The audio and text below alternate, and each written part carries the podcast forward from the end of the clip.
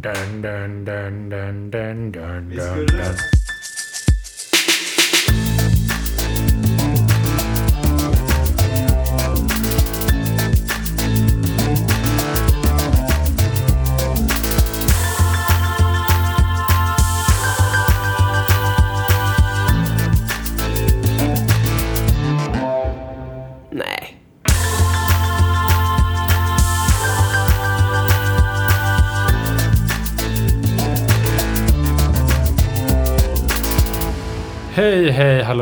Och välkomna till ett nytt avsnitt av 08-podden. Tommy Körberg under en kväll på Café Opera 1986.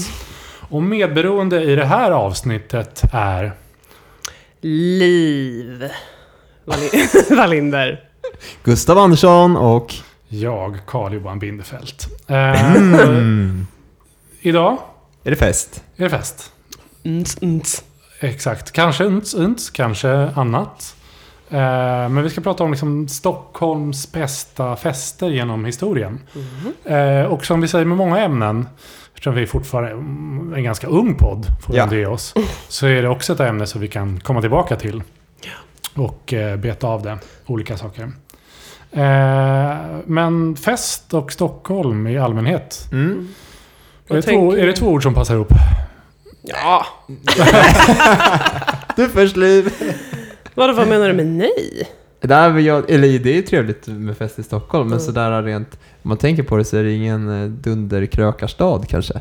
Och lite svårt, och jag, jag som spelar massa livemusik, det är inte jättelätt att hitta ställen som Nej, vill bjuda på sväng om liksom. Mm. Så att, eh, jag vet inte. Och jag tycker det är coolt med sådana här eh, stora klubbar, stora hela byggnader och Ja. eller områden som är festliga. Nu försöker Mm. man ju få till lite sånt i Slakthusområdet, Mm. men jag vet inte om det kommer lyckas. Får vi se. Ja, det märker vi. Ja, Mm. Jag känner väl också, det är väl kanske bara för generellt nu så känns det som att det är lite nedgång. Ja, eh, på grund av att bostadsrättsföreningar tydligen styr den här staden. just. Eh, men eh, historiskt så har det väl ändå lyckats göra en och annan fest i den här Ja, stan. Absolut. Ja, vi är dåliga på folkfester i och för sig. Ja, Mm. Också. mycket. Här street party. Vi kanske, är för, vi kanske är för dåliga. Vi har liksom inte haft det för sällan i Stockholm. Nej. Så att så här, Vattenfestivalen Mm. som vi tog upp lite eh, förra avsnittet på 90-talet så var det så här. Folk bara fest på stan och sen dricker alla varsin Explore-vodka och typ dör. Och så blir det, precis, Ja. nedskräpning och... Ja, exakt. Att så här, lite Mm. mer rutinerade folkfeststäder kan hantera det här. Exakt. Vi får inte Sven- ens dricka på allmänna platser. Nej, exakt. Och svenskar är så svältfödda på fest. No. Mm. Nej, det. Cannot Nej. do that. Förutom på Vissa platser. ställen. Just det. Hum, humlan får man man passa följa. sig. ja, Humlan, Ekonomparken i Uppsala, hela Lund. Ja, just det. Men det var inte i Stockholm, Nej. Du kan inte bara kolonialisera två Det andra är, städer. det, är, det är platser som stockholmare koloniserat. Det är sant, det har du rätt i. Det är mer eller mindre Stockholm. Så sant. Så är. Ja. Men vi har eh, enligt eh, vårat format här ibland valt en fest var. Ja. Eh, och så kommer vi gå in lite på varför den här festen, eller de här festtillfällena kanske det kan vara också, eh, har varit så episkt. Och så vidare.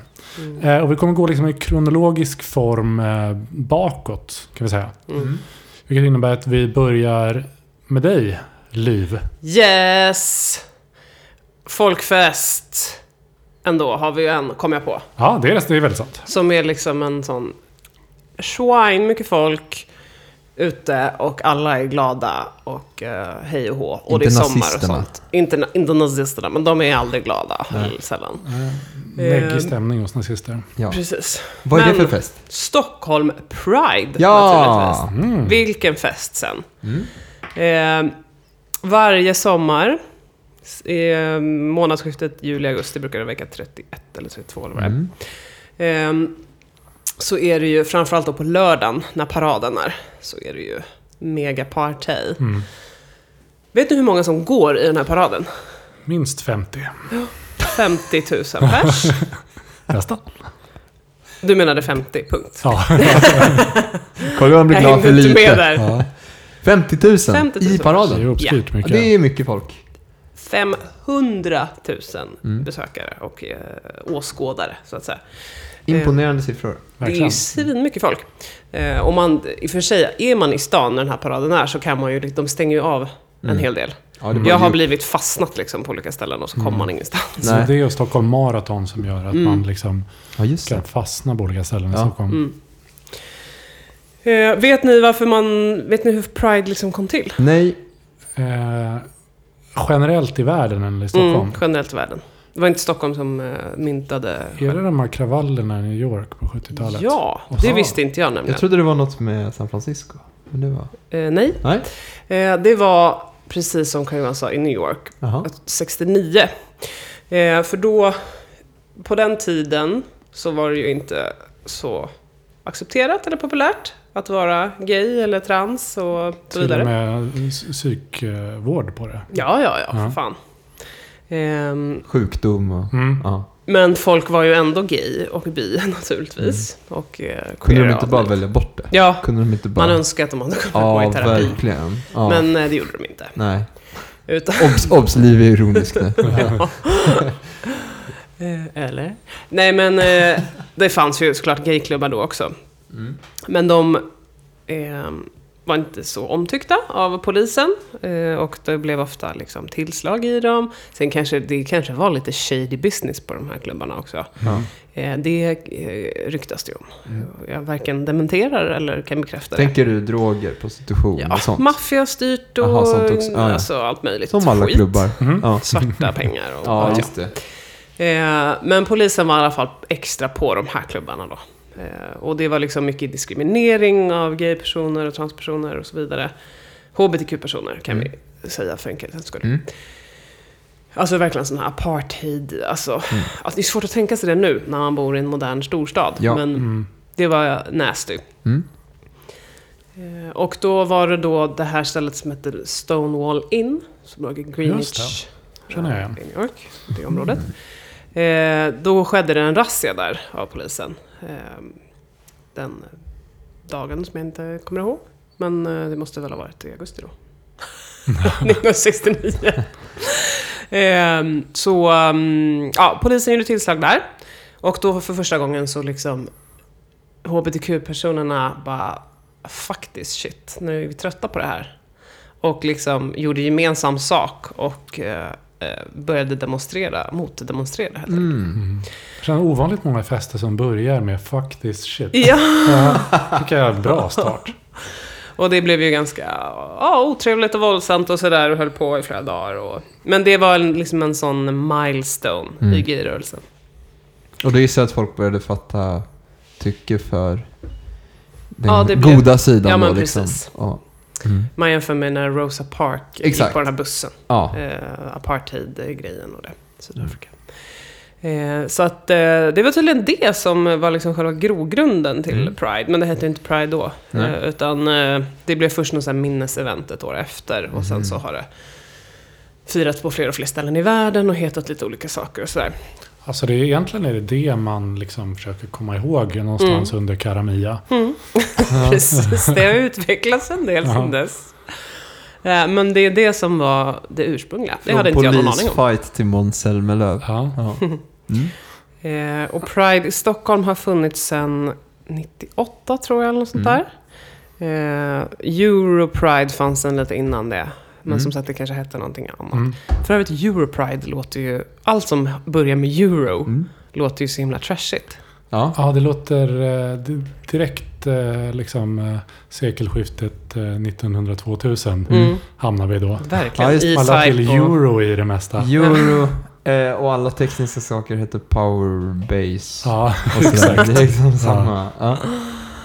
Men Ja. Europride kan också, det turnerar va, mellan de existerande Ja, det gör Pride? det. Vi hade förra året tydligen. Ja, okej, var vi ja. värdland. Mm. Visste inte jag heller. Mm. Ja just det, ja, inte, Det var inte hemma. inte 2019 utan 2018. 2018. Ja. Mm. Då får man lite pengar eller man får arrangera större. Eller? Det kommer fler folk tror jag. Ja, det måste du göra. Alltså det kommer jättemycket bögar Johan. Så att om du inte gillar bögar då... Nej men min confession är att jag har aldrig varit på Stockholm Pride. Har du inte? Aldrig. Oh my. Eh, jag, och det är liksom inget jag har valt. eh, liksom att det här ska jag inte göra. Kristendomen valde dig. Eh, utan jag, jag gick ner i vattnet och baptistkyrkan sa Nej men Det är ju alltid, alltid borta. Ja. det är ju en helgen. typisk sån semesterhelg. Ja. Så kan man tycka om man vill göra någon form av support för de här Stonewall-kravallerna kanske man borde skärpa Mm. sig. Men Mm. Eh, då är jag i Skåne. Ja.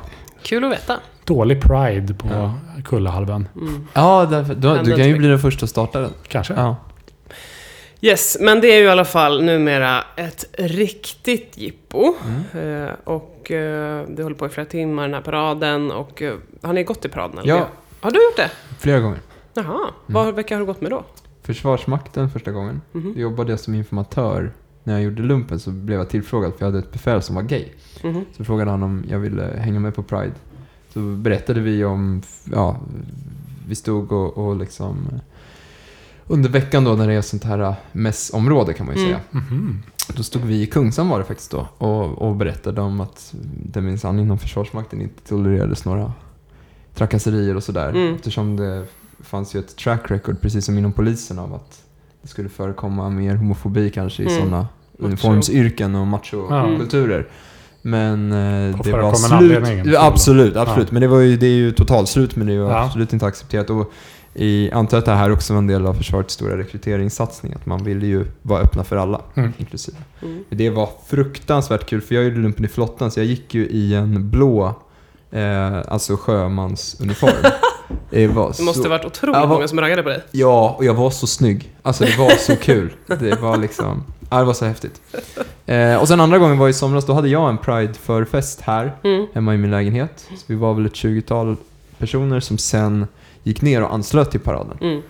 Eh, Det var också fruktansvärt kul. Då bara gick vi, liksom, vi gled in i någon av de lite mera öppna ekipagelösningarna. Det finns ju sådana där det bara Mm. är typ en lastbil som kör och spelar musik och så kan man dansa. Mm. Och något sånt. Det var Ja, kul. men det- Har du? du? Jag har inte gått i paraden, nej. Men Nej. jag har, jag har stått och glott. Mm. Har gjort. Mm. Eh, och det är ju väldigt härlig stämning. Jag stod ju, för förut jobbade jag ju i Kungsan och så hade Ja. jag en fransk balkong ut och då gick den förbi där, paraden. Ah. Och det var så jävla nice att stå där. Ja. Stod där med en kompis. För det var ju typ ingen annan som stod i det huset. Så alla så här kollade ju upp och bara wow! Ja, just det. Ja, det. Eh, ja, det var toppen. Mm. Jag börjar alltid gråta när de här stolta föräldrarna Jag kommer. vet. Det är så fint alltså. Det är så fint. Eh, ja, men det är ju en väldigt kul folkfest tycker jag. Mm. Alltså, hela, hela den veckan är ju... Alltså man får ju en känsla när man är i stan den, framförallt den helgen, att så här, allt är tillåtet. Liksom. Ja. Folk går omkring i Ingenting. vad de vill eller inga Mm. kläder alls. Mm. Alltså det, det, är- det är väldigt nice faktiskt. Mm. Så att är det någon folkfest vi har så är, så är det ju den. Eh, Bra fest helt enkelt. Och alla liksom klubbar. Det är, ja, men det är stort fokus på det. Och det, är- det är kul. Mm. För att det blir ju mer, mer mångfald än vad det Ja. är i vanliga fall. Mm. Borde ju gärna vara, kunde ju vara så för hela året. Ja, jag tycker Ja, också. verkligen. Eh, men ändå nice. Jag förstår inte den här, äh, det finns ju vissa som fortfarande yttrar i åsikten typ, ja men det är klart att man får älska vem man vill, men, så här, men måste de styra ut sig sådär? Måste det vara som Precis. karnevals... Mm. Det är ju ändå Ja, lite kontroversiellt. Att, Ja men eh, vad är det egentligen som är chockartat? Jag tänker bara, nej men en del, alltså Låt även dem. gay, även oss. eh, folk som är gay själva verkar tycka att det är så här, nej men jag gillar inte det där. Det är Ah. liksom, give, gives me a bad name typ. Eller att det Ja. blir så här, eh, jag kan förstå det på ett sätt, men det är ju Kul. en kul fest. Oavsett, liksom, Ja, kan, man, kan jag ja tycka. exakt. Det är väl eh, i Stockholm i alla fall en unik form av Mm, folkfest. Som verkligen. helt klart kan, Mm. Med liksom historiska ögon förmodligen ses som att det här är en av de bästa Ja, festerna som Stockholm anordnade. Mm, det tror jag. Mm. Verkligen. Det tror jag vi kommer vara stolta över. Mm. Och när En, det eh, gäller eh, Ja, skandaler så är det ju liksom det är svårt, svårt med skandaler i ett sammanhang där allt är tillåtet. Ja. Jag menar, oh, någon hade, gick naken. Det är Det är liksom ingen grej. Oj, han såg av beteende honom. är helt omöjligt. Nej, Inte heller en grej. Vad sa du? Eh, Att, Nej men folk har sex antagligen, Ja. alltså det händer väl en hel del. Men eh, det blir ju inte en skandal i det sammanhanget. Så skandalerna är ju relaterade till, till det politiska. ja, just det. eh, Vilka som inte har talat eller inte vill gå. Vilka eller? partier som inte går med, vilka som Just inte det. får gå med i tåget. För de har ju regler för att man ska liksom jobba då med HBTQ-frågor. Ah. Så vem som helst får inte göra det. Jag Eh, tror inte Jimmy får gå.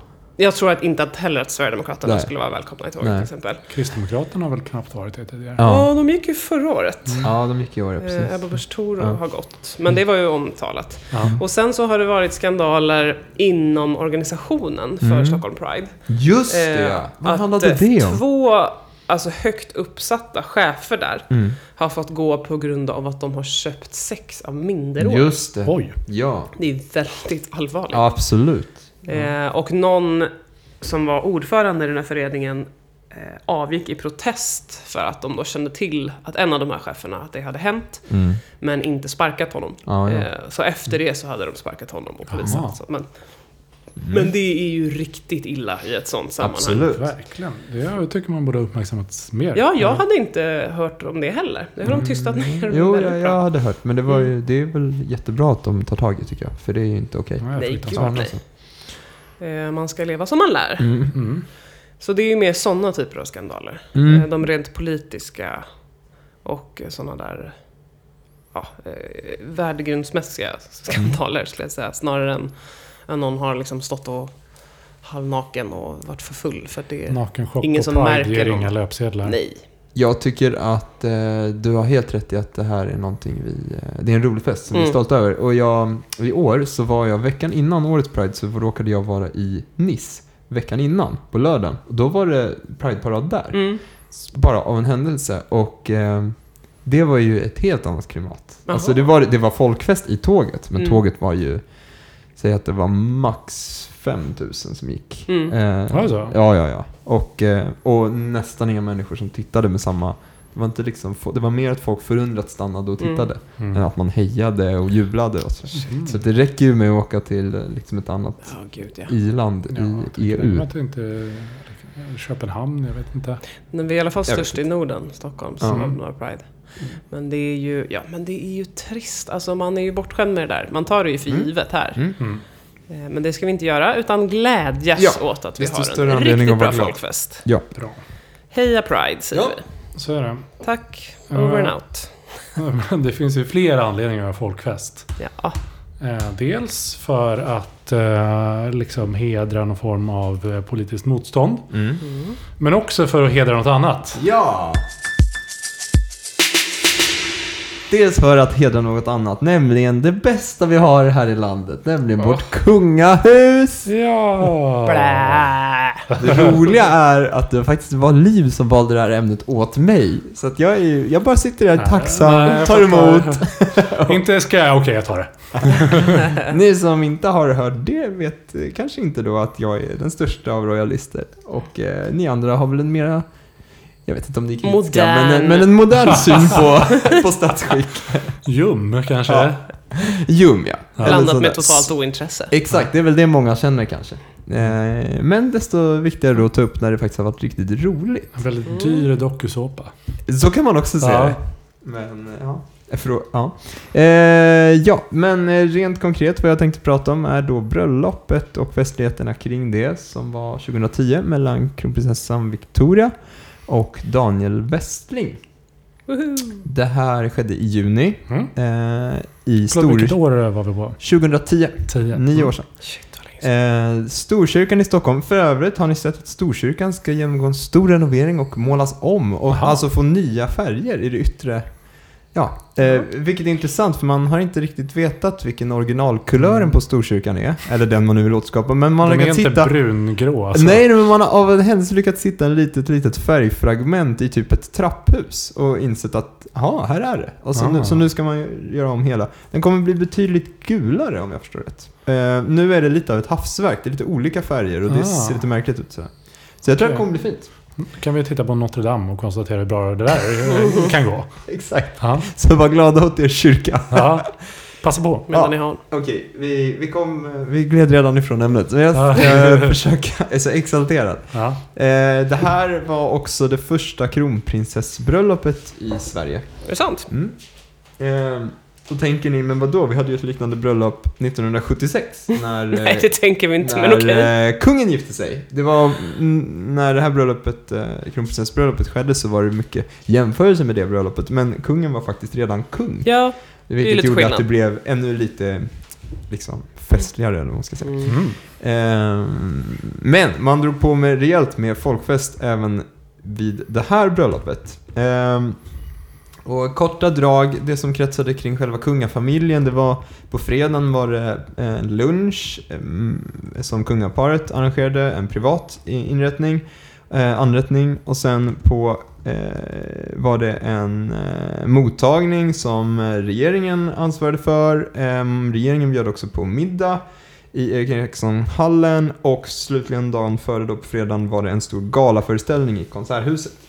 Då man bland annat fick höra Lisa Nilsson sjunga prinsessparets favoritlåt Utan dina andetag med Kent. Cara Mia. Så jävla banalt, Zelmerlöw. Ja, verkligen trist Och val. snörig så inåt. Alltså jag gillar Kent, men den Ja. låten är ju för mycket. Ja, jag, alltså. jag vet. Det, ja. Men eh, man, fick även Kent, är de se, royalister? man fick även se ett eh, återuppstått Roxette, vilket kanske var någonting att vara glad Mm. för i alla fall. Eh, och sen under själva lördagen när det var vigsel så inleddes vigseln halv fyra i Storkyrkan. Eh, 16.40 var det kortege som varade i, i en timme och en halv miljon människor eh, stod längs med vägen. Vad- Vilket ju faktiskt är som en Mm. modern Pride-parad. då. Ja, Mm. Var du där? Ja, men sluta! alltså, jag var överallt. Ja, okej. Ja, ja. Eh, kortegen avslutades med en färd med kungaslupen Vasaorden. Mhm. Eh, en roddbåt som man eh, också såg på eh, kungabröllopet 1976, ni som minns det. Eh, och sen klev kronprinsessparet i land nedanför Lodgården vid slottet. Eh, vandrade upp, gick igenom slottet och kom ut vid, ovanför Lejonbacken där en 300 hövdad eh, sånguppvaktning skedde. Alltså en kör. Eh, och folkets jubel och eh, kronprinsessan höll ett tal. Väldigt fint tal faktiskt. Där, han, där hon tackar Sverige för hennes prins. Mhm. Och de hade ju varit upp svinlänge Mm. innan de fick liksom... Ah. ja, Blev välsignade stämmer. Jag kommer till av det. knugen. Jag kommer till det. Jag har, jag har breddat det här ämnet något. Och eh, kungen höll också ett tal. Eh, och sen var det ju bröllopsmiddag på slottet i rikssalen, vilket då anses vara den förnämsta salen man kan ha fest i. Eh, Mm. Ni känner igen den på blåa tyger och det står en stor silvertron där. De, det finns en tron. Det finns en riktig tron, men kungen Ah! sitter inte i Alltså, tronen. Vi har inga kröningar längre, men det här är från drottning Ah, Kristinas ja, tid. Inte officiellt. Den är fet. Den då är jag- riktigt fet. blir jag tokroyalist om jag kan få se kungen sitta lite mer på tronen. Ja, jag vet. Det, Ja. här. det låter som att han sitter på toa när du säger sådär. Ja. Det hade ju i och för sig också varit roligt att se. Både det. och. Eh, men jag, anledningen till att jag tog upp det här som en folkfest, eller du Liv valde då att bolla över det på mig, var ju festligheterna som arrangerades för folket. För Stockholms stad fattade ju att det här kommer dra till sig turister. Mm. Vårt kungahus är väldigt stora i till exempel Tyskland, för där Ja. tycker man att det är deras drottning Silvia, det är ju faktiskt en Mm. tysk kunglighet, de har ingen egen kunglighet.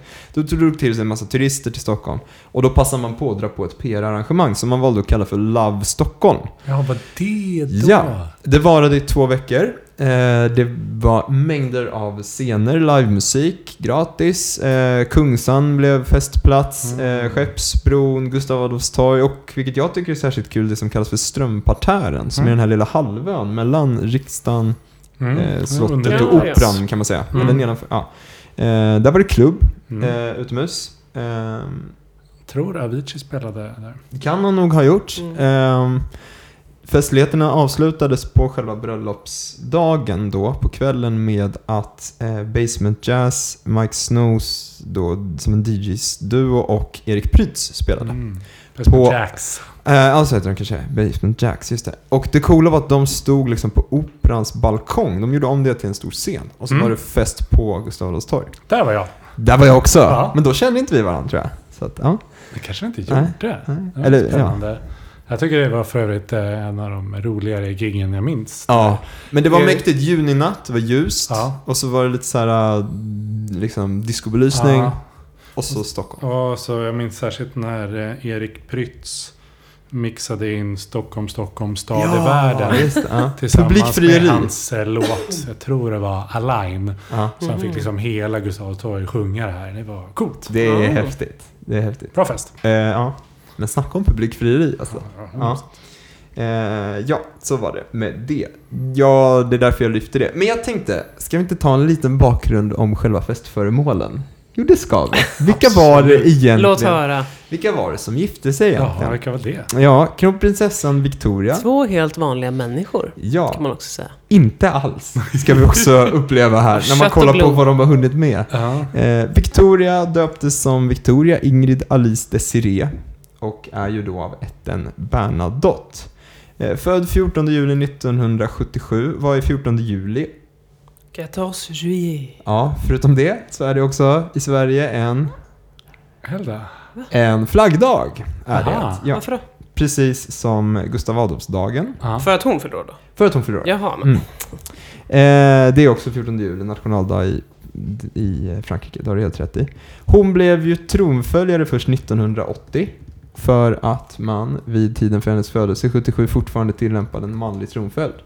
Så att Mm. eh, det kunde ju inte vara så att en liten tjej skulle kunna bli drottning. Men det hade man vett att ändra på. Apropå dagar, det är ju Ja. dag. Karl XIV, äh, Mm. vet du, Gustav Adolfsdagen. Ja, stämmer. Har du Har du inte sett flaggorna? Nej, jag man har namnsdag på 6 juni. Ah, Idag är. Gustav Adolf. Det är tydligen ett helt annat namn Okej. än Gustav. Ja, parentes. Fortsätt. Du kan få gratulera mig ändå. Ja, Ja. grattis. Eh, vet ni var kronprinsessan gick i skola?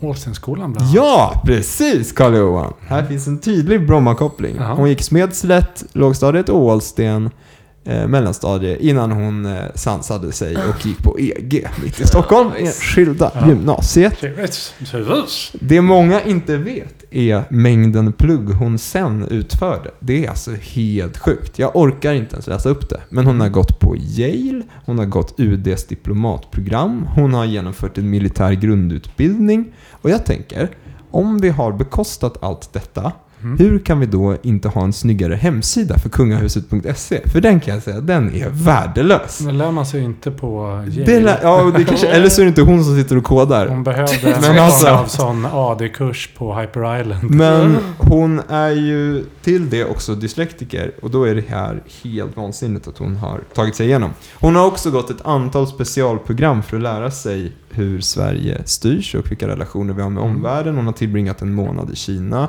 och ja, så. mängder med utbildningar, utbildningar, utbildningar.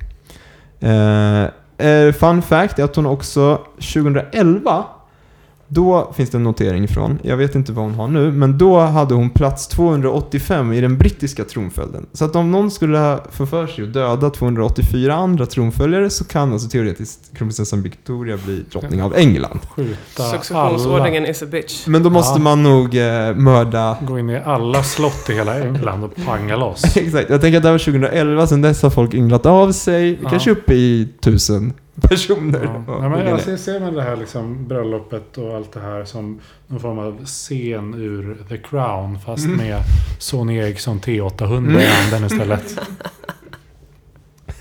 Ja. Och sen har vi det andra festföremålet. Prins Daniel. Du. Vad vet vi om prins Daniel? Vad tänker ni på? Gym. I, Ja, eh, han var PT, va? av Sverige hade han. PT. Kommer från... mm, Ja... Nu har jag glömt varför det. Många kallar honom för Boxer-Robert. Ja, det För att är han ser väldigt mycket ut som Ja. gamla reklamfilms eh, Ja, animerade figuren. synd alla unga Ockelbo lyssnare. Ingen aning om vem det här han är. Helt rätt. Han är född i Örebro men uppväxt i glammiga Ockelbo i Gästrikland. Just Mm. Eh, det Där ligger... gymmade Vickan. Vad sa du? Där gymmade Vickan. Nej, för att han efter att ha genomfört lumpen, också med oerhört bra betyg, det är, nog ett bright par det här, det går inte att komma ifrån. Eh, så gick han ett år i, eh, eller så jobbade han ett år inom skola, fritidshem, jobbade med barn som behövde särskilda Mm. hjälp, eller särskild hjälp. Eh, sen utbildade han sig till fritidsledare, men med idrottsinriktning. Mm. Och utbildade sig så småningom till personlig tränare. Blev han rekryterad till Master Training i Stockholm. Och det Coolt. var där det hände. Mm. Där blev han då, på rekommendation av prinsessa Madeleine, så började kronprinsessan träna med honom som PT. Mm. Och love happened. Så att, eh, Klassiskt inlända- möte för par. väldigt fint ändå. Känns ändå rätt... Ja, lätt, lätt att falla för sin PT. Ja, verkligen. Det är ju han som är oprofessionell i det här. Kan man säga. Men eh, relationen inleddes redan, som du var inne på, Liv 2002. Så åtta år av Mm. Daltande. daltande. Eh, Minns ni att han också föddes med en njursjukdom? Det var en del skriverier om det. Han har aning. väl transplanterat den. Exakt. Och eh, eh, den person som bidrog med en njure var hans egen far. Men, vilket var viktigt då för Spännande. tronföljden var att det var en medfödd men inte ärftlig sjukdom. Så vi behöver inte vara rädda för barnen Estelle och någon Oscar. slags så här rysk blödarsjuka som sprider sig. Exakt, för det finns ju inga andra ärftliga sjukdomar inom kungahuset. Nej, de Eh, har ju inte alls parat sig med varandra Exakt, 300 precis, år. precis som du säger Carl Johan så är ju typ blödarsjuka Men vad hade sjukt de- överrepresenterad. Man kan också gissa att den här dyslexin som eh, Ja. kungabarnen dras med eh, har sådana Bra Men vadå, vad hade de gjort om det hade varit ärftligt då? Alltså, Nej, vad ska det, de göra? jag vet inte men det var ju väldigt skönt. Det var nog många uppe på Östermalm som drog en lättnadens suck, tänker jag. Ja. Mycket skönt. Ja. Han är ju du- trots allt frisk pojken. Ja. Ja. Eh, Men vi kan då notera att eh, Daniel från Ockelbo genom då vixen som i ett trollslag också blev prins av Sverige, hertig av Västergötland. Eh, Och efter vigselakten blev han också riddare av Serafimerorden. Vilket är Sveriges förnämsta orden. Mm. Serafimerorden känner ni igen från till exempel Nobelfesten där kvinnorna då bär ljusblå band. Ja. Eh, männen bär ofta den som en krashan, ett slags halssmycke kan man säga, runt. Mm. Precis under flugan. Så. Som man inte får dela ut längre, för mig. Jo då, Får man det? det går bra. Men eh, bara till medlemmar av det svenska kungahuset och till utländska statschefer. Ja. Eller därmed jämställda personer i samband med statsbesök. Ehm, så att, jo, det Ja. kan man. Men eh, du tänker på att ordenssystemet är avskaffat? ja, det kanske är stämmer. det det hade. Ja, men här, kungen glider under radarn. Ja. Nej, jag, kan inte, jag kan inte reda ut varför, jag är inte så nördig faktiskt. Tror det eller ej. Okej. Eh, men vad jag noterar, vilket är lite ofräscht, som jag tycker man ska skriva om, är att en man som tilldelas orden blir riddare. En kvinna som tilldelas orden blir ledamot. Ja, vad säger man? Ja. Kungahuset är patriarkalt. De gör det ju inte enkelt för folk att... Nej, Tycka det är om väldigt lätt de här traditionerna. ändra, kan man Ja, jag tycker också. Mm. Ja. En del semantik ska man ju... Ja. När en ledamot av Serafimerorden dör Ja. så sker en mycket spännande ceremoni.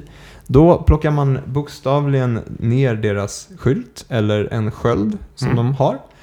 Tar den från slottet, där den kanske hänger. Mm. Eh, ger den till en soldat ur livgardet Mm. som under högtidliga former går med skölden till Riddarholmskyrkan. Där sker en liten ceremoni, man läser upp eh, lite kort biografi över den döde. Ja. Eh, skylten hängs upp, eller skölden. ja. Och klockorna ringer i en hel timme i Riddarholmskyrkan. Oj, vi får hoppas att de inte dör. Jag tänker bara stackars de som har kontor. Ja. där. Så bara, åh nej, nu igen. Ja. Men alla människor är lika mycket värda. Exakt, exakt. Ah, inte med i Eh, Serafimerorden. Ja. Eh, exakt. Men eh, åter till vixen då. Jag tänkte droppa några grejer och se om ni minns dem. Det var en del... festtemat så... Ja. Det var en del, eh, det var en del, det var en del eh, festligheter. Eller vad säger jag? Inte festligheter. Det var en del eh, diskussioner eller skandaler eller små liksom, händelser. Mm. Som jag tänker att ni kanske minns. Eh, minns ni något? Skandaler vi minns. Var ni där? Nej, jag var i Sundsvall kommer jag ihåg. Jaha. Och hälsade på en kompis och vi satt på torget i Sundsvall. Eh, De visade på storskärm. Mm. Jag tror att vi typ hamnade där av en slump. Jaha. Men eh, Det var där satt vi och jag grät faktiskt. Ja, det var ju fint. Men Det då kan kanske, du vet, då kanske du vet en sak jag hade tänkt upp. Varför grät du? Kommer du ihåg det?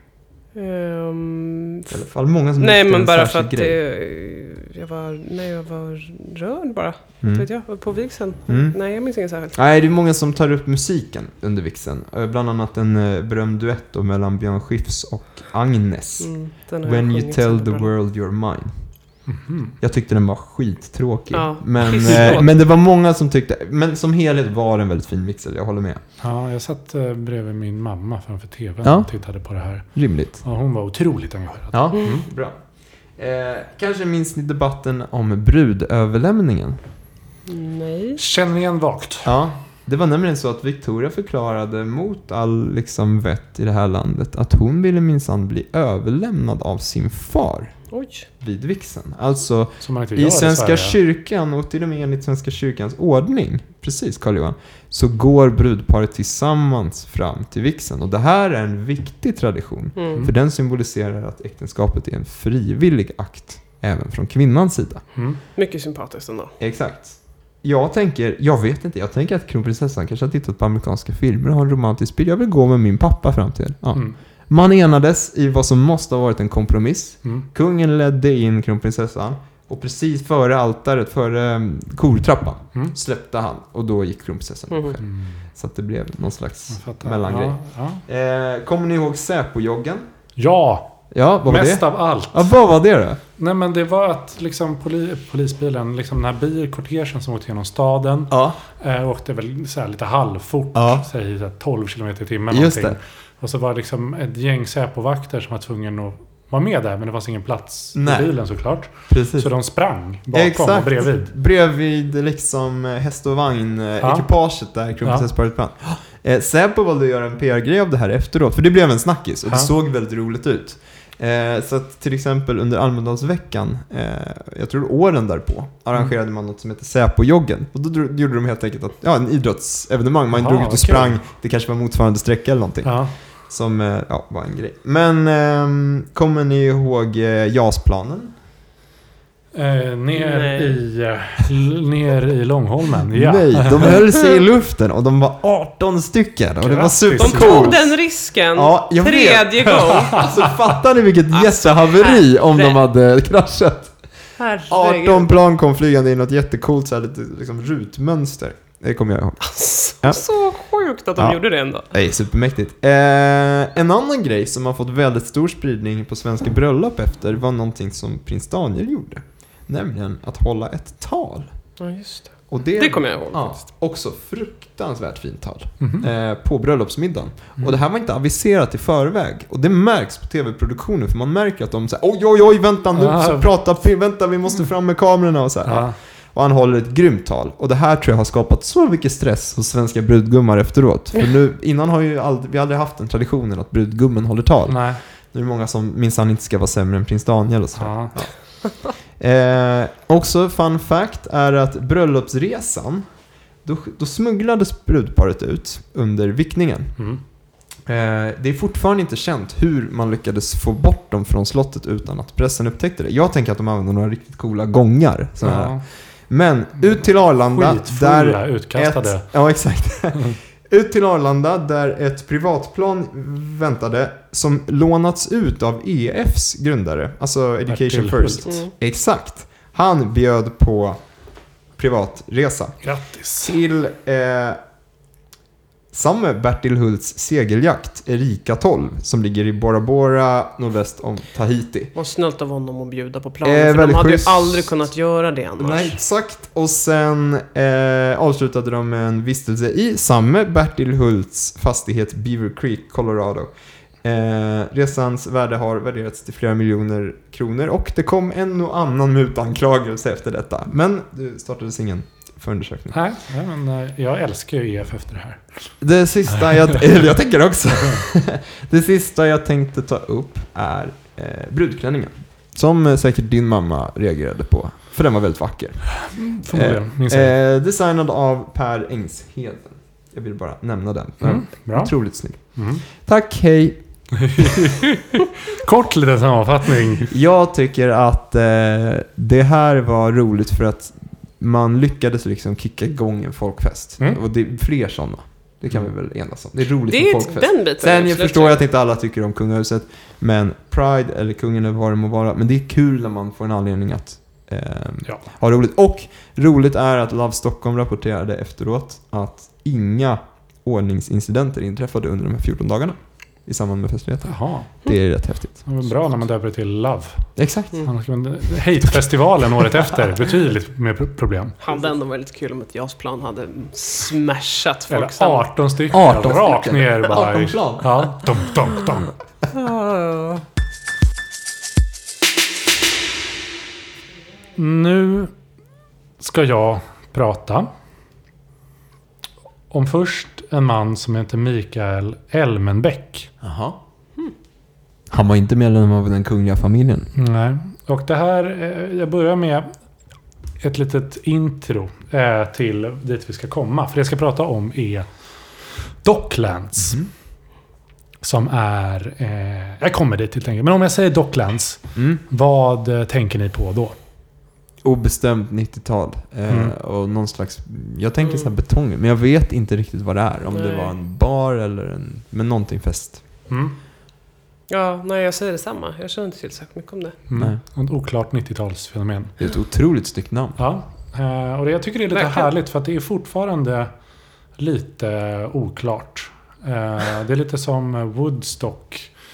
Eh, Att det är, alla påstår sig ha varit Ja, där det. men ingen vet riktigt exakt hur det gick till. Det finns lite filmer men det är så här Vem har gjort vad? Vad hände? Folk Mm. ljuger naturligtvis otroligt mycket om Ja, det här ja, eftersom det ja. var höjt i dunkel. Så det finns en charm med Mm. när man tittar på det här i en historisk lins. Att det är lite svårt att få ihop det. Mm. Men jag ska göra ett försök. Ja. Och eh, den här historien börjar som sagt med Mikael Elmenbäck. Han är numera journalist eh, och grundare av tidningen Bonn bland annat. Men han eh, anordnade kanske Stockholms första rave som inte är Docklands. Mhm. Eh, som hette, eh, som alla bra rave gör, True London Style Rave. Okej. Ja. Wow. Eh, Det fanns någon slags dröm om att vara större än vad man är kanske. Exakt. Ja. Eh, för det här var inte stort. Det var ungefär 30 pers. Hej! Prideparaden. Eh, lagom så så. det var i princip så att någon låtsades för att vara med i MUF. för Jaha. att hyra en lokal, eh, för ett politiskt möte. För, och så hade man någon form av rave här. Det är liksom kanske Stockholms första rave, det var typ 90. Ja. Eh, sen uppgraderades det, här eh, till eh, Kallhäll. Där man återigen liksom lurade folk att det var någon form av politiskt möte. Inte MUF den här gången. Eh, då blev det ungefär eh, 700 pers. Oj. Bra eh, tillväxt. Ja, det var Mm. förmodligen lite däremellan. Ja, men ändå. Ja. Eh, Och jag tänkte säga ett citat från en artikel jag hittat här bara för att sätta scenen för 90-talets rave-scen i Stockholm. Eh, allt organiserades i hemlighet. Jag installerade en telefonsvarare på min mammas hemtelefon. När folk ringde dit berättade en inspelad röst om tid och plats för bussar som hade bokats för att köra gästerna till festen. För att begränsa riskerna med att fel personer skulle få reda på eventet eh, fick man inte reda på lokalens plats förrän dagen innan. Lite som det är på rave idag. Men jag tycker ändå det är väldigt ja. charmigt att så här, Ja. hur gör man en ravefest på ja, 90-talet? verkligen. jo, man installerar en telefonsvarare Ja. på sin morsas telefon. Ja. Det är risky business. Hur gammal är då Mikael vid det här laget? Ja, han är 16 år. Oj! Vad 16 kreativt! Ja. Ja. Vilken entreprenör. Ja. De fortsätter anordna rave i Slakthusområdet. Eh, men på Jaha. grund av att det kommer ganska mycket ovälkomna gäster dit. Mm. blir lite stökigt, krångligt. Eh, så man vill hitta något nytt.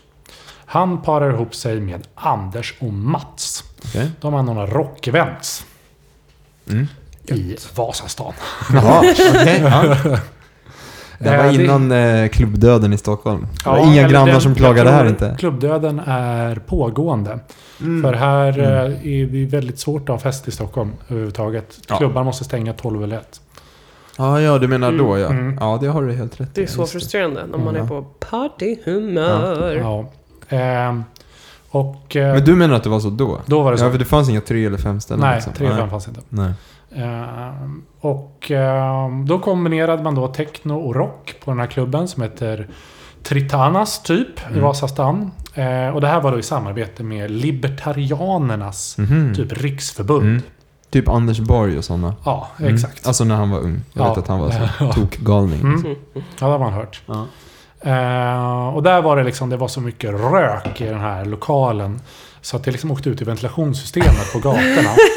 Eh, och vilka luktar sig till det här då? Jo, det är polisen. Ja. Eh, så polisen Nej, stormar eh, det här stället. Och såklart Mäktigt. många andra senare. ja. Eh, men istället för att hitta en brand då, som de misstänkte, så hittade de en helt ny ungdomskultur för första gången. Ah. Och hade ingen aning om hur de skulle hantera det. Nej. Så de drog därifrån. Va? Ja, Sant. Jaha. Så de hade inget emot att det var liksom... förmodligen. Men de visste som liksom så här, in, det här finns inga papper på nej, det här. nej. Jag är, Nej. de har festar och kul i en lokal. Ja. Vad gör vi? Ehm, så byter vi historien då till de här Anders och Mats som Mm. Mikael har träffat. Mm.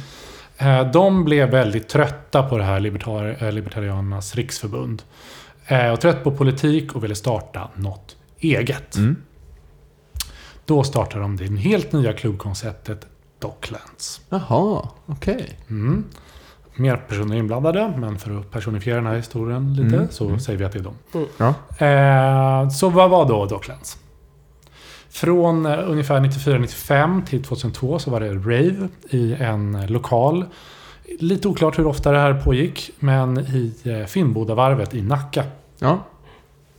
Eh, och ganska snabbt blev den här klubben ett politiskt sprängstoff. Mhm. Of course.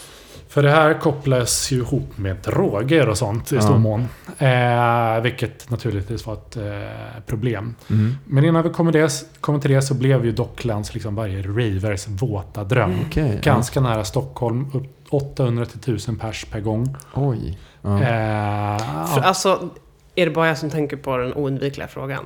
Var det här Gudrun Schyman spårade sketan eller? Vi kommer till det. Mhm. Right.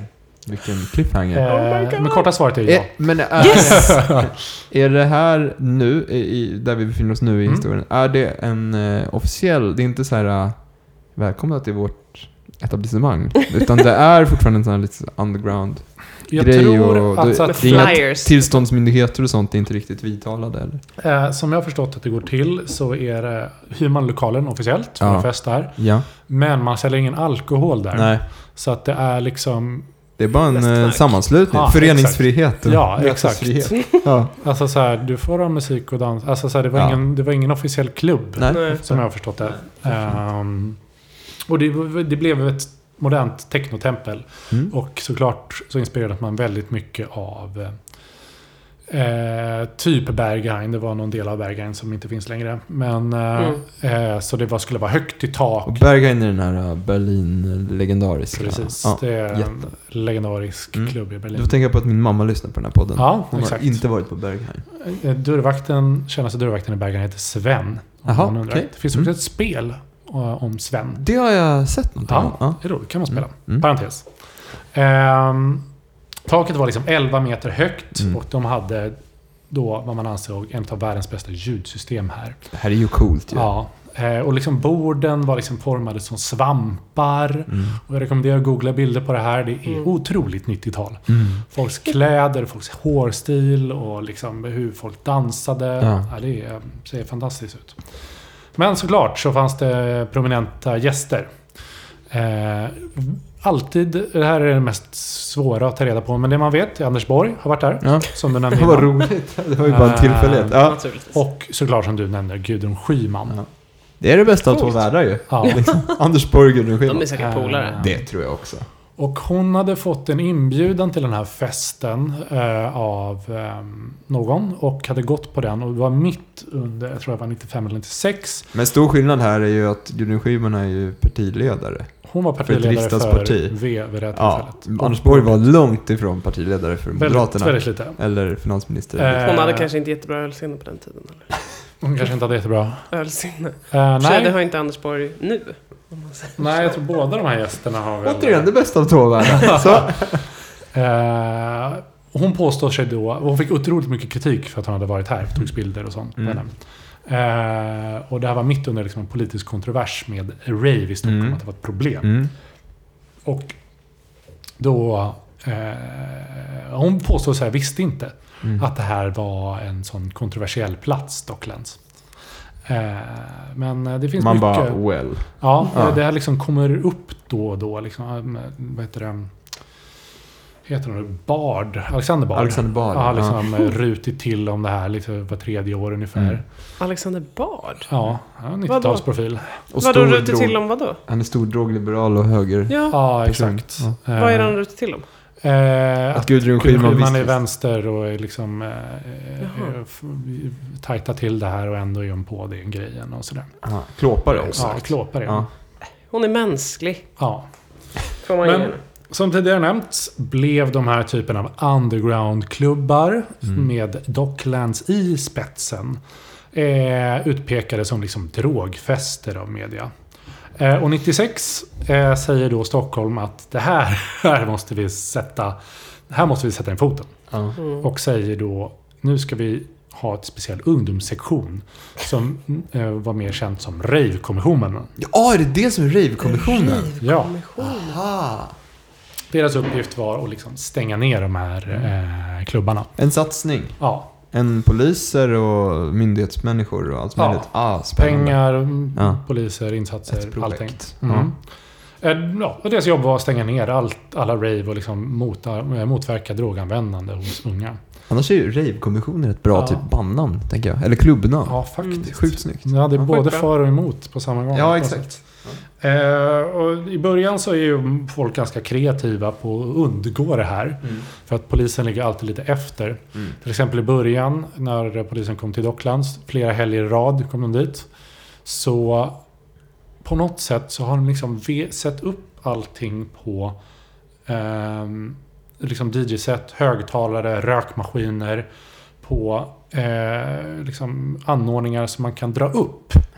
Som du kan rulla upp högre upp i taket. Och som Hissa drevs På, ja, hissa upp. Eh, och så när polisen kom hissade de upp de här. Och, och liksom de drevs av generatorer och Ja. sånt där. Så det, polisen kunde inte stänga av det. Så folk liksom dansade där och så, så var liksom DJn högtalarna uppe i taket någonstans. så de inte kom åt. Det måste ju ha varit en otro, om man är lite hög, vilken Ja. tripp när hela ljudsystemet åker uppåt. Ja. DJn bara försvinner. Eh, det, ja. Ja. men, eh, kul kreativt. Men polisens insatser lyckas Till slut. eh, till slut. Eh, men också i kombination med att Stockholm lättar på eh, sina krav på att krogar ska stänga. Så man ger tillstånd till Mm. ganska många, eller nästan Mhm. alla tror jag, att Mm. stänga tre. Mm. Och sen ett visst antal att stänga fem. Mm. Och då försöker man sprida ut det här lite över Stockholm. Och det hjälper ju också till, för då måste inte folk dra till de här ställena efter det har stängt och så vidare. Nej. Mm. För det har jag hört folk som eh, har varit unga på 80-talet. Mm. Eh, att det var beklämmande att det liksom inte fanns ett uteliv. Mm. Det var verkligen sådär. Ja. Det var liksom kaffe, opera, punkt. Mm. Ta och kör. Ja, exakt. Ja. Och vill man inte till den publiken då? Nej. Ingen underground-verksamhet, inga alternativa Nej. musikklubbar, ingen, alltså så här, som var lagliga. Nej, Så jag det, förstår att det här blev liksom kulmen på den Ja, politiska rörelse som ville kunna festa och dansa. precis. Och Mm. det, det är samma om man tittar på till exempel England. Ja. Eh, varje gång politikerna eh, liksom stramar åt klubblivet i England, Mm. som, eh, dels samma på 90-talet där, Mm. eh, så blev det otroligt mycket gamla industrilokaler som inte Ja. används, som ligger nere för att det det är inte lika med industri i England längre. Ja, men bröt de sig in i den och gjorde någon form av bryt-rave. Mm. Eh, och lite samma menar man att det är lite idag. För Ja. de har stängt en del klubbar i London också. Mm. Och då har det helt plötsligt blivit mer rave i London Mm. också. Mm. Mm. Så att den här, på ett sätt är det dåligt Mm. att, eh, att eh, liksom staten stänger ner Ja, klubbverksamhet. Men det blir otroligt mycket liksom pys precis. för mer kreativa grejer. Mm. Ofta då kanske lite mer drogliberala. Jag tänkte, och sen så det, det där är väl också en del av samma vågrörelse, att drog, inställningen till droger går upp och ner Mm. bland ungdomsgrupper. Ja. Mm. Alltså just nu känns det som att vi är lite på kulmen Ja, av vi en drogliberal Ja. tid. Mm. Men, och det har inte alltid varit så, men det har definitivt varit det förut i historien. ja, så Så verkligen. början 90, slutet, eller början 70. Ja, och så här, så att det har kommit så här. Ja. Kombinationer av nya droger som kommer och så här. Precis ja. Eh, men mellan då november 96 och 97 eh, tog Rave-kommissionen då 658 blod och urinprov på de som ville festa. Och totalt så arresterade man eh, 1400 pers ungefär. Oj, ja det är ju kännbart. Eh, och eh, trots att Docklands då höll på fram till 2002 eh, så mm, kallar många av de här rutinerade personerna att mellan 96 och 2002 så var det ravens medeltid i Stockholm. Eh, Så de som minns Docklands med ett kärt minne är Mm. oftast de här väldigt tidiga festerna, 95 och 96 då. För sen dog det. Och sen så fortsatte det men kanske under lite mer konventionell Ja. form. Mm. Och 2002 så stängde Docklands. Okej. Sent ändå. Ja, de höll på länge. Skulle jag vet vi- inte riktigt hur det mådde de sista åren. Jag kan Nej. tänka mig att det inte var lika spännande. Kanske var mycket mer kommersiellt. Ja. Eller liksom Mm. Städat. Så var det nu. Mm. Ehm, och det är egentligen det. Men det, det försökte de här eh, Anders och Mats, heter de var. ehm, försökte med en återupplivningsförsök 2015 Mhm. i eh, lokaler precis bredvid gamla Docklands. Mm. Eh, med Docklands Reborn tror jag det hette. Mhm. Eh, anordna liksom tre kvällar för att hedra det Mm. här. Mm. Med liksom, eh, artister och DJs som var Mm. med då och lite de som är poppis nu. Mm. Liksom. Eh, sagt och gjort. Eh, ungefär en vecka innan säger Nacka kommun Nope. Nej. Det blir inte av. Och då dör det. Det dör. Ja. eh, igen. Mm. Eh, och det är kanske... Nu ligger det ju mycket mer... Det ligger inte lika offs kanske som det gjorde Nej. 95. Det bor väl fler folk där. Mm. Och apropå bor eh, fler folk. Mm. Eh, idag så är gamla Docklands hyresrätter. Jaha. HSB. Mhm. Som ironiskt nog heter... Eh, bostadsföreningen heter BRF Docklands. Nej! Sant? Vad Ja. roligt. Så. Eh, så det är en kombination av lite coolt och ganska töntigt. Ja, Eh, men så är det. Coolt. Det, det är en form av snabbversion av eh, Docklands. Ja, det var lärorikt. Mm, Mm. verkligen. Eh, det är spännande. Det, blir, det är mycket liksom också så här eh, popkulturhistoria med rave i Stockholm Mm. och liksom... eh, Rave, alltså det blir inte så mycket fest, mer fest än rave på något sätt. Det är Nej, det liksom är festernas fest. Ingen som har kontroll. Har ni varit på rave? Nej. Eh, ja. Nej, det har jag inte. Nej. Klubb i Berlin räknas väl inte som rave. Nej. Nej, jag har inte heller varit på rave. Inte så. Lockar man inte direkt heller. Det är coolt. Det är lite alltså, samma som... Eh, tänker jag, Pridefest eller något annat. Ja. Det är liksom ett unikt eh, festmoment. Och jag vet inte hur länge man kommer orka hålla på med det här i Stockholm. Nu är det lite överhypat kan jag tycka. Ja. Eh, men passa på att gå medan Ja. det är ni unga och fräscha. ja. Ja. Men när ni festar nu för tiden då? Mm. Var, var festar ni någonstans egentligen? Where the party at, som man säger. Jag, jag kan inte röja mina platser, jag vill inte bli sedd. Polen på Ringvägen. Precis. Pang bar. Eh, nej, jag, eh, det är svårt. Jag, eh, på sommaren gör jag som resten av alla övre medelklass-kids eh, Mm. på, på Södermalm. Jag kastar mig in på trädgården. Eh, på vintern eh, är jag numera inte lika duktig. Eh, jag går på konserter där Mm. de spelas, alltså DJ-gig. Mm. Eh, ibland på Kvarteret i Slakthuset, ibland på Berns. Ibland på vanliga Slakthuset. Eh, om det är sån liksom, lång tre eller fem kväll. Liksom. Jag tycker så otroligt mycket om Berns som lokal. Mm, Men jag tycker skitfint. inte om utförandet av Berns just nu. Det Nej. känns inte så kul. Nej. Alltså, hela liksom, Ja, det stämningen där. Nej. Men, men den lokalen är ju kanske oöverträffad. Alltså, Den Mm. är så mäktig. Finns Och tänk, tänk att det huset byggdes för det och har varit det så länge. Ja. Det tycker jag är så coolt. nöjesetablissemang. Ja, Om man verkligen. vill titta på något nu, nyligen som har hänt på Förlåt? Eh, på eh, Berns. Är det pollen Carl-Johan? Är det pollen är det som kommer Är till det pollen. du som har tagit vid gäspandet? Exakt. Det där var en rap. Ehm, eh, Mö spelade där förra veckan. Skitfett såg det ut. Mhm. Som du säger, anrik lokal. Vad Ja. festar du Liv? Ehm, nej men jag... Det blir ju mest sån här nördigt som körfest och karaoke och dansfester. Men om man vill gå ut och typ, alltså dans, dansa, fuldansa eller vad man Mm. kallar det. Så tycker jag att Demokratiskt dansgolv är väldigt kul. Mm, är Har ni varit på det? det är Nej. riktigt bra. Kan Skitbra vara en av. Stockholms bästa Mm. fester. Ja, jag tycker det är toppen. Vad är det? Det är eh, en komiker som heter Pelle Helgesson som håller det, Mhm. som är askul. Vet du vad Alltså, hans det- smeknamn är? Pelle Snusk. Pelle Snopp. Nej. Pelle Snusk. Jag har hört Pelle Snopp. Ja, jag, fortsätt. jag önskar att jag kunde vara domare nu, men Ja. jag är tyvärr. Ja. Ehm, hur som haver.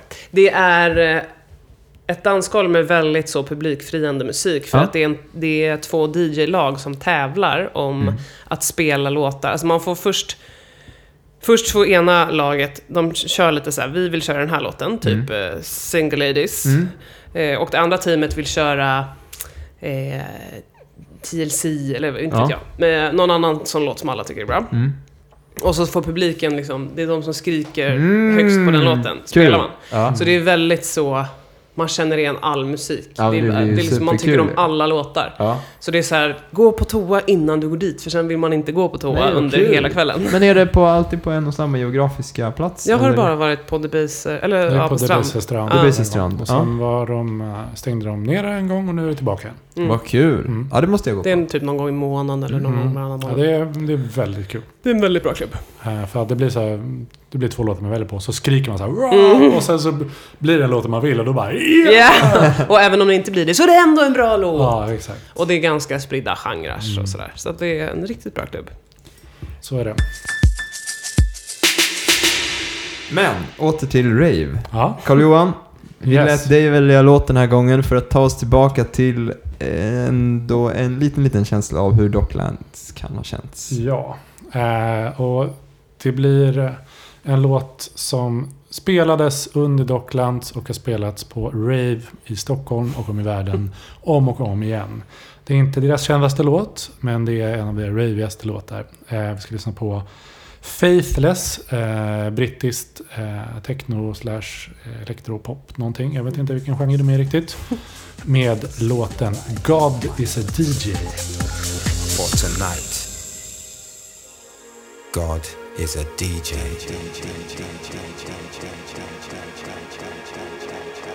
For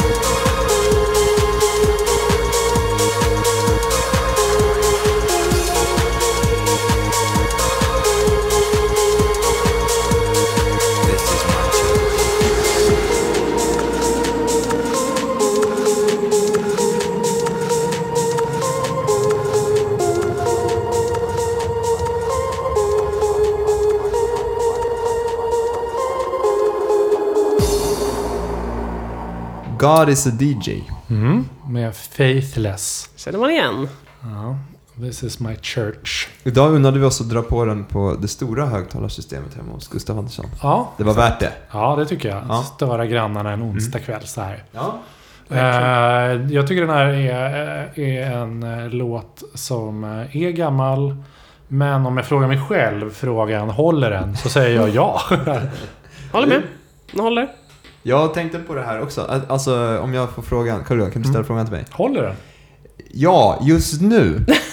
För att jag tänker att eh, vi Okej. befinner oss mitt i en stor vurm för 90-talet. Vi har Ja. precis pratat om det här förra avsnittet också. Ja. Att vi är ju, det märks också på hur vi valde ämnen den här gången. Vi dras ju ändå Ja. till någon slags ja, Mm. eh, närtidshistoria. Mm, så. Eh, så just nu känns den här helt rätt. Mm. Men jag vågar inte säga om den är super cringe om Nej. tio år. Att, eh, men det är for all we know så håller den. Ja, Ja, tid, det känns Eh, tidlös. Ja. Vi skannade igenom ganska många låtar eh, av eh, folk för att hitta en, en bra. Till Eh, dagens avsnitt. Till dagens avsnitt. Eh, och eh, apropå eh, låtar som inte håller så finns det väldigt många från en samma tidsperiod. Som absolut känns väldigt gamla. Framförallt i hur de är gjorda. Liksom själva produktionen känns så här. Nu har någon upptäckt det här ljudet. Du behöver inte använda det så mycket. Det blir lite, lite töntigt. Eh, men den kom eh, 98. Mm. Eh, var, även om det är liksom eh, Faithless kändaste låt är kanske Insomnia. Eh, kan du lyssna på. Den kommer ni garanterat känna igen. Mm. Jag kommer inte ihåg Eh, på så var den här ändå eh, framförallt en jätte, jätte hit eh, i Storbritannien. You, I can't get no sleep. Ja. Mm. Och eh, var etta på Billboard danslistan och Mm. sådär. Det här var en superhit och eh, om eh, du skulle vara lite publikfrieri på Docklands 98 då körde du garanterat den här. Det här var nog en hit ja. Ja. Mm. Den är fin, Ja. enkel, Mm. stor ändå. Snygg. Det är... Cool är mannen som sjunger i Faithless. Maxi Jazz tror jag han heter. Okej, ja. Ja. Häftig person. Mm. Mm. Känner ni? Är ni danssugna? Ja, faktiskt. det rycker lite. Det är jobbigt att halva veckan är kvar Ja. att arbeta. Jaha. Ja. Ja, så är det. Eh, God is a DJ, det här är vår podd. Har vi något mer att säga? Podden håller. Ja. Ja. Håller podden. Håller ja. podden. Ja. Definitivt. Hej då! Hej hej. Hej, hej.